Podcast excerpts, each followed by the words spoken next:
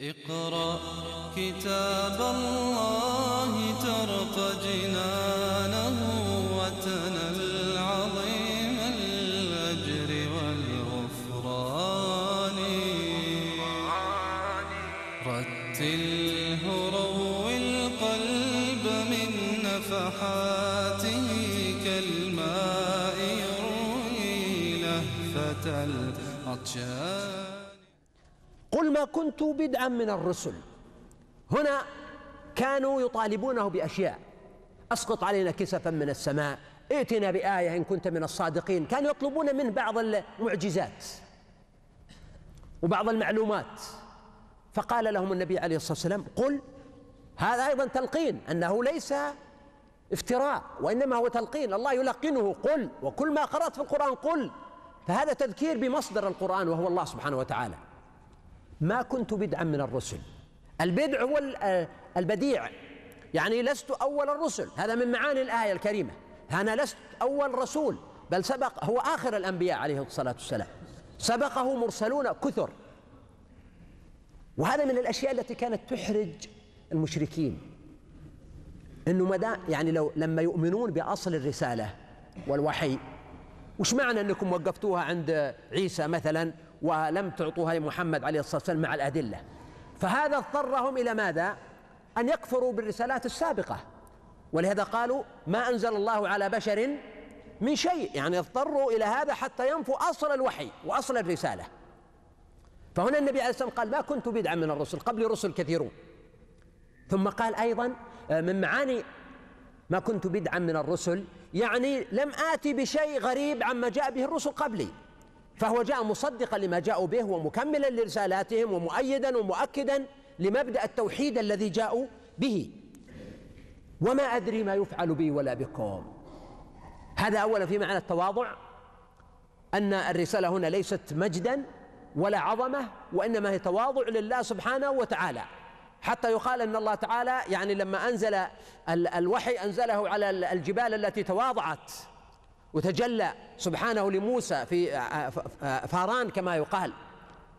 فهكذا الذين يتواضعون لله يعطيهم الله تعالى العلم والحكمة والإيمان. والذين يتكبرون يحرمون منها. ولذلك يقولون إن يعني الانسان مبتلى لا يرحم. من هو؟ مبتلى ما يرحم. من هو؟ الحاسد. وإنسان مرزوق ومعطى نعمة ولا يحسد. من هو؟ المتواضع. فهنا قال الله سبحانه وتعالى وما أدري ما يفعل بي ولا بكم. إشارة إلى أن الأمر لله سبحانه وتعالى.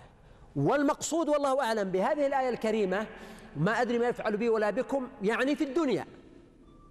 هل أموت؟ أو أقتل أو أهاجر أو يتحقق له شيء أو شيء آخر هذا لا يدري عنه قبل أن يخبر. وكذلك أنتم هل تموتوا أو تقتلوا أو تؤمنوا؟ الله تعالى أعلم بذلك فهذا من الغيب. مع أن النبي عليه السلام أخبر عن بعض الأمور مثل أن أخبر أن النبي عليه السلام يهاجر إلى أرض ذات نخل بين حرتين وظنها الهجر الأحساء فإذا هي المدينة المنورة ويكفي الاحساء فخرا أنه ظنها عليه الصلاة والسلام يعني مجرد ظنه بها. فأما المدينة فقد حازت قصب السبق في ذلك. فهو أخبر بأشياء ولكن من حيث الجملة لا يعلم إلا ما يخبره الله سبحانه وتعالى. وما أدري ما يفعل بي ولا بكم. أما أن ذلك شامل لأمر الآخرة كما قاله بعض المفسرين واحتجوا له بحديث عثمان بن مضعون لما مات وقالت امرأة هنيئا له الجنة. فقال النبي صلى الله عليه وسلم إنني والله وأنا رسول الله ما أدري ما يفعل بي ولا بكم. فالذي رجحه جمع من أهل العلم أن هذا الزيادة ما يفعل بي ليست قوية وأنه لا يدري ما يفعل به وأني لارجو له. وبناء عليه قالوا أن النبي عليه السلام يعرف أنه نبي والنبوة فوق الولاية. والله سبحانه وتعالى يقول الذين قالوا ربنا الله ثم استقاموا. ألا إن أولياء الله لا خوف عليهم ولا هم يحزنون. فيقينا هو في الجنة عليه الصلاة والسلام ويعلم ذلك. بل النبي عليه السلام قال للإنسان إذا سمعتم المؤذن فقولوا مثل ما يقول ثم سلوا الله لي الوسيلة. فإنها درجة في الجنة لا تنبغي إلا لواحد من عباد الله. وأرجو أن أكون أنا هو. فمن سأل الله لي الوسيلة حلت له شفاعتي يوم القيامة. إذا النبي عليه السلام يعلم ماذا سيكون له يوم القيامة وإنما يكون هذا في الدنيا. وبعضهم قال أن الآية نزلت قبل أن يعلم وقبل أن ينزل عليه إنا فتحنا لك فتحا مبينا ليغفر لك الله ما تقدم من ذنبك وما تأخر. وهذا ضعيف كما ذكرت. إن أتبع إلا ما يوحى إلي وما أنا إلا نذير مبين. قل أرأيتم إن كان من عند الله. الآن هم يقولون له أنه افتراء. فالنبي عليه السلام قال لهم لو أنا افتريته أنتم لا تملكون لي من الله شيء الله يعذبني. لكن بالنسبة لكم أنتم دعونا يعني هو قبل التحدي منهم وبعدين رجع لهم مرة ثانية. يسألهم إن كان من عند الله وكفرتم به. الاحتمال الثاني الآن أنه أنا صادق والكلام من عند الله وحي وأنتم مع ذلك تكفرون به. ما هو شأنكم؟ ما موقفكم؟ أليس هذا ظلما؟ أليس هذا إعراضا؟ وكفرتم به. وشهد شاهد من بني إسرائيل على مثله. الأقرب أن الآية هذه عامة لأن المشركين العرب كانوا ينظرون إلى أهل الكتاب على أنهم أفضل منهم. اليهود والنصارى لأنهم أهل الكتاب ويقرؤون ويكتبون ويخطون. أما العرب فكانوا أميين بعث في الأميين رسولا منهم. فالله سبحانه وتعالى يقول لهم افترضوا أنكم يا معشر قريش وأنتم في لجاجتكم بالتكذيب بهذا القرآن. رأيتم رجلا من أهل الكتاب من بني إسرائيل يؤمن بهذا القرآن أو رجالا.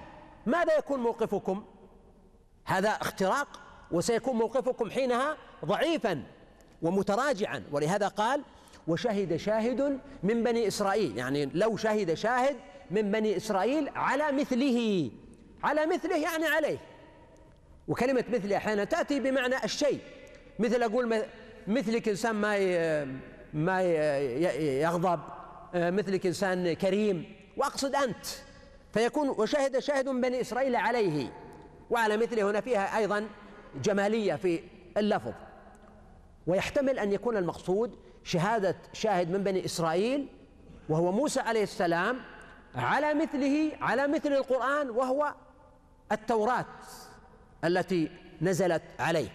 والمعنى أن هذا القرآن جاء مصدقا لما قبله ومهيمنا عليه. فآمن واستكبرتم. آمن هذا الشاهد من بني إسرائيل واستكبرتم أنتم عنه.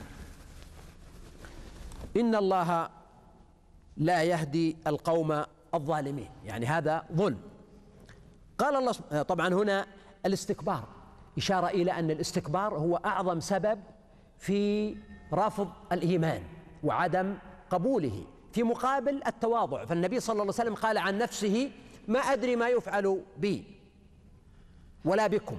بينما هم مستكبرون والكبر هو الذي حملهم على عدم السمع وعدم الطاعة. قال الله سبحانه وتعالى بمناسبة الكبر والاستكبار قال وقال الذين كفروا للذين آمنوا لو كان خيرا ما سبقونا إليه. هذا كبر لأن العادة أن أعداء الرسل وأعداء الرسالات هم مستكبرون مغرورون بالملك كفرعون أو بالوزارة كهامان أو بالمال كقارون أو بالجمال أو ب أو حتى بالعلم. فرحوا بما عندهم من العلم وحاق بهم ما كانوا به يستهزئون. فيقع لهم كبر ويكون عندهم أتباع يريدون المحافظة عليهم. بينما الغالب أن أتباع الرسل والأنبياء عليهم الصلاة والسلام هم ناس بسطاء عاديون ضعفاء. قد يكونون قد يكون معاقا قد يكون مريضا قد يكون ضعيف البنية قد يكون آه، مهمشا أو مسحوقا في الحياة محروما من الحقوق. وهذا ليس يعني ليس عيبا. الدين جاء للجميع للكل يعني. والصحابة فيهم أمثال عثمان بن عفان وعمر بن الخطاب أقوياء في أموالهم في أبدانهم في أنسابهم في وفيهم أمثال بلال وصهيب وعمار. وفي آه، المؤمنين قريش والقبائل العربية الكبيرة وفيهم آه، جهينة وغفار وأسلم ومزينة وغيرهم من القبائل التي كانوا يعويرونهم ويقولوا رعاة غنم. وهذا ليس عيبا أيضا فالنبي رعى الغنم. إذا هنا الله سبحانه وتعالى يقول على الكافرين أن من أسباب رفضهم جانب نفسي وهو الاستكبار الذاتي. لو لو كان خيرا ما سبقونا إليه. يقولون للذين آمنوا يعني عن الذين آمنوا. لو كان هذا الشيء خيرا ما سبقونا إليه ووصلوا إليه قبلنا. قال الله سبحانه وتعالى وإذ لم يهتدوا به فسيقولون هذا إفك قديم. يعني إذ إن هؤلاء المشركين لم يهتدوا بالقرآن ولم يفتحوا له صدورهم ولم يتخلوا عن كبرهم فلا بد أن يبحثوا عن ذريعة يثبتون بها موقفهم ويقولون هذا إفك قديم. يعني أنه كذب وقديم يعني كما قالوا أساطير الأولين اكتتبها فهي تملى عليه بكرة وأصيلا. إن هذا إلا أساطير الأولين فهم يقولون هذا إفك قديم. ومن قبله كتاب موسى إماما ورحمة. الله سبحانه يقول ليس هو أول كتاب. فكتاب موسى من قبله إماما والإمام هنا سمى الكتاب إماما. الإمام في الأصل هو المعيار الذي يقاس عليه غيره. هذا هو الإمام النموذج هذا هو الإمام وأصبح الإمام يطلق بمعنى القدوة والأسوة. كما قال واجعلنا للمتقين إماما. إن إبراهيم كان أمة يعني إماما. فهنا قال الله سبحانه وتعالى كتاب موسى إماما يعني سابقا لما بعده من الكتب ورحمة. فهو رحمة للناس.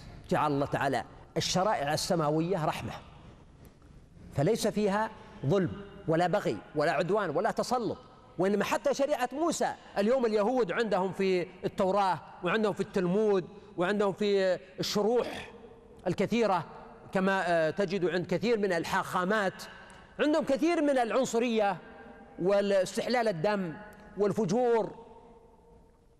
وحتى النصارى. مع أن المشهور عنهم خلاف ذلك لكن تجد في بعض الكتب المسيحية ما جئت على لسان عيسى عليه السلام ما جئت لأصنع سلاما بل سيفا أو حربا. فهذا موجود عند اليهود بشكل واضح وأحيانا موجود في بعض النصوص المسيحية. فالله سبحانه وتعالى هنا قال ومن قبله كتاب موسى إماما ورحمة. فالله الله أنزل الكتب رحمة وأرسل الرسل رحمة. وبالذات النبي عليه الصلاة والسلام وما أرسلناك إلا رحمة للعالمين ليس فقط للمؤمنين بك وإنما للعالمين كلهم. ولهذا قال وهذا كتاب هذا.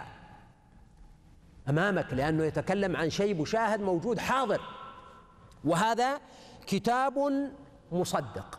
إذا جاء يعزز ويصدق ويعمق المعاني التي جاءت بها الكتب السابقة ويوافقها ويؤيدها وينسخ بعض الأحكام وبعض التعليمات التي فيها شدة أو عسر ويضع عنهم إسرهم والأغلال التي كانت عليهم. ثم قال لسانا عربيا هنا قال لسانا عربيا إذا القرآن باللسان العربي المبين ففيه الفصاحة والبلاغة والإعجاز.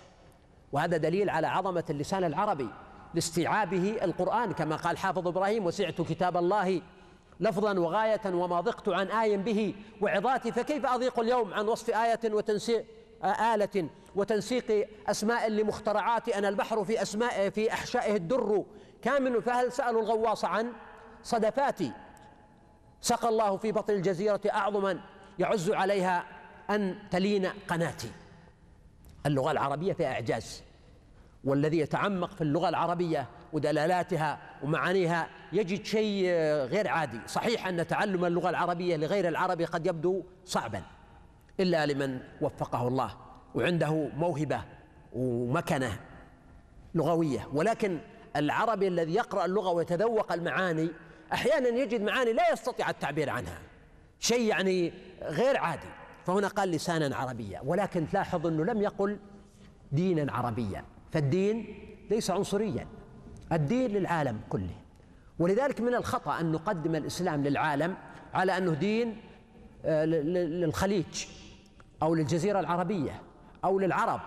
وإذا أسلم الواحد لبسناه الثوب والطاقية والعقال مثلا وسميناه آه، حمد ولا مثلا أي اسم من أسمائنا. وأردنا منه أنه يأخذ حتى عاداتنا الاجتماعية وتقاليدنا الموروثة التي قد تكون عادة وقد تكون صوابا وقد تكون خطأ فينبغي أن ندرك أن أن هذا محك خطير وكذلك الأخلاق. لم يقل أخلاقا عربية قال لسانا عربية لكن الأخلاق لا. ليش؟ لأن العرب عندهم أخلاق عربية وبعضها جيد. مثل إيش؟ مثل الكرم. ولكن إذا صار في حدود أما إذا تحول إلى أسراف وتبذير وبذخ ورمي النعم فهذا ليس محمودا. وكذلك إذا تحول إلى جهالة وحمق في وضع الأموال في غير موضعها لمجرد أنه والله إحنا عندنا نفط فنضع المال ذات اليمين وذات الشمال هذا ليس دليلا على عقل بل هذا إسراف ومذمة. وكذلك من الأخلاق العربية إيش؟ الشجاعة. والشجاعة خلق محمود. أن الإنسان مثلا شجاع لكن في حدود أيضا. أنت لما تشوف مثل القذافي هذه الشجاعة محمودة؟ يعني وين وين الحمد؟ يعني آه، آه، آه، تدمير شعب وأمة وقتل وفي نهاية المطاف ترى ما, ما الذي حاق به. ومثله أيضا إخوانه الذين يعني دمروا شعوبهم وحاولوا أن يحيلوا القضية إلى إلى دماء تسيل. وأيضا الشيء الذي تستغربوه أنه الصلابة. أنه إلى آخر لحظة والإنسان هنا يعني يهدد ويتوعد فتقول هذه لا شك أن هذا ناتج عن عادة عربية وهي الشجاعة ولكن هنا الشجاعة محمودة أو مذمومة؟ مذمومة ولذلك هنا قال لسانا عربية اللسان عربي لكن المضمون رباني والدعوة عالمية. قال بس أكمل الآية هذه. لينذر الذين ظلموا وبشرى للمحسنين. فهكذا هو القرآن دائما بشيرا ونذيرا. لينذر الذين ظلموا مثل هؤلاء الذين كفروا وبشرى للمحسنين. هذه فيها سر أيضا. البشرى هو آه، خبر طيب. وجميل. وبشارة. يعني تتحو... تتغير البشرة منه وتنطلق أسارير الإنسان بسببه. فالله تعالى هنا جعل البشرى لمن؟ للمحسنين. وفي ذلك دليل على أن الإحسان من أسباب السعادة. كثير من الناس يبحثون عن السعادة. فالسعادة هي الإحسان. الإحسان بمعنى الإحسان إلى الناس. لأنه كلما تقدم للناس خيرا أو بشورة أو دعما ماديا أو معنويا أو تساعد أحدا فهذا ينعكس عليك بالرضا والسعادة. هذا معنى. أيضا من معاني الإحسان الإتقان في العمل الجودة كما يسمون اليوم في العالم نظام اسمه الجودة الشاملة. بمعنى أن الإنسان يتقن العمل. إن الله يحب إذا عمل أحدكم عملا أن يتقنه. جودة الإنسان في أي عمل حتى لو كان لعب. فهنا أيضا من الثابت أن النجاح يولد السعادة. حرص الإنسان على أن يكون ناجح في عمله في تدريسه في دراسته في حتى لو كان يعني فراشا. أو منظفا لمكان معين أو مديرا أو كبيرا أو صغيرا. فهنا المهم إتقان العمل وتجويده. فهذا يمنح الإنسان الرضا الداخلي. وطبعا مما يضاعف الرضا إذا كان الإنسان يجد تقديرا لهذا العمل. تقدير من ممن فوقه بالشكر بالتحفيز بالمكافأة بالكلمة الطيبة. أما إذا كان الناس سواسية اللي يأتي مبكر أو متأخر؟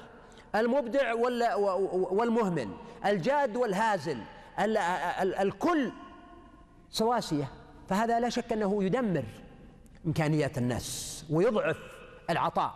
وأكثر منه إذا كان الإنسان يشعر بأن هناك تخصيص لأناس لكن ليس بسبب إبداعهم أو إحسانهم أو تجويدهم للعمل وإنما لأن هذا قريب أو ابن عم أو جار أو صديق أو أنه يخدمني سيارته مثلا أو يقوم بأعمال معينة شخصية. فهذه الثقافة اليوم مع الأسف تجدها في يعني كثير من مجتمعاتنا تدمر تدمر المدرسة تدمر المؤسسة تدمر الوزارة تدمر البلد حتى بأكمله. بينما في بلاد الله الإنسان لما يعمل يجد قيمة وثمرة هذا العمل فيحصل على بشرى لأنه محسن فيحفز الناس إلى أن يتسابقوا ويتنافسوا فيه. كتاب الله ترق جنانه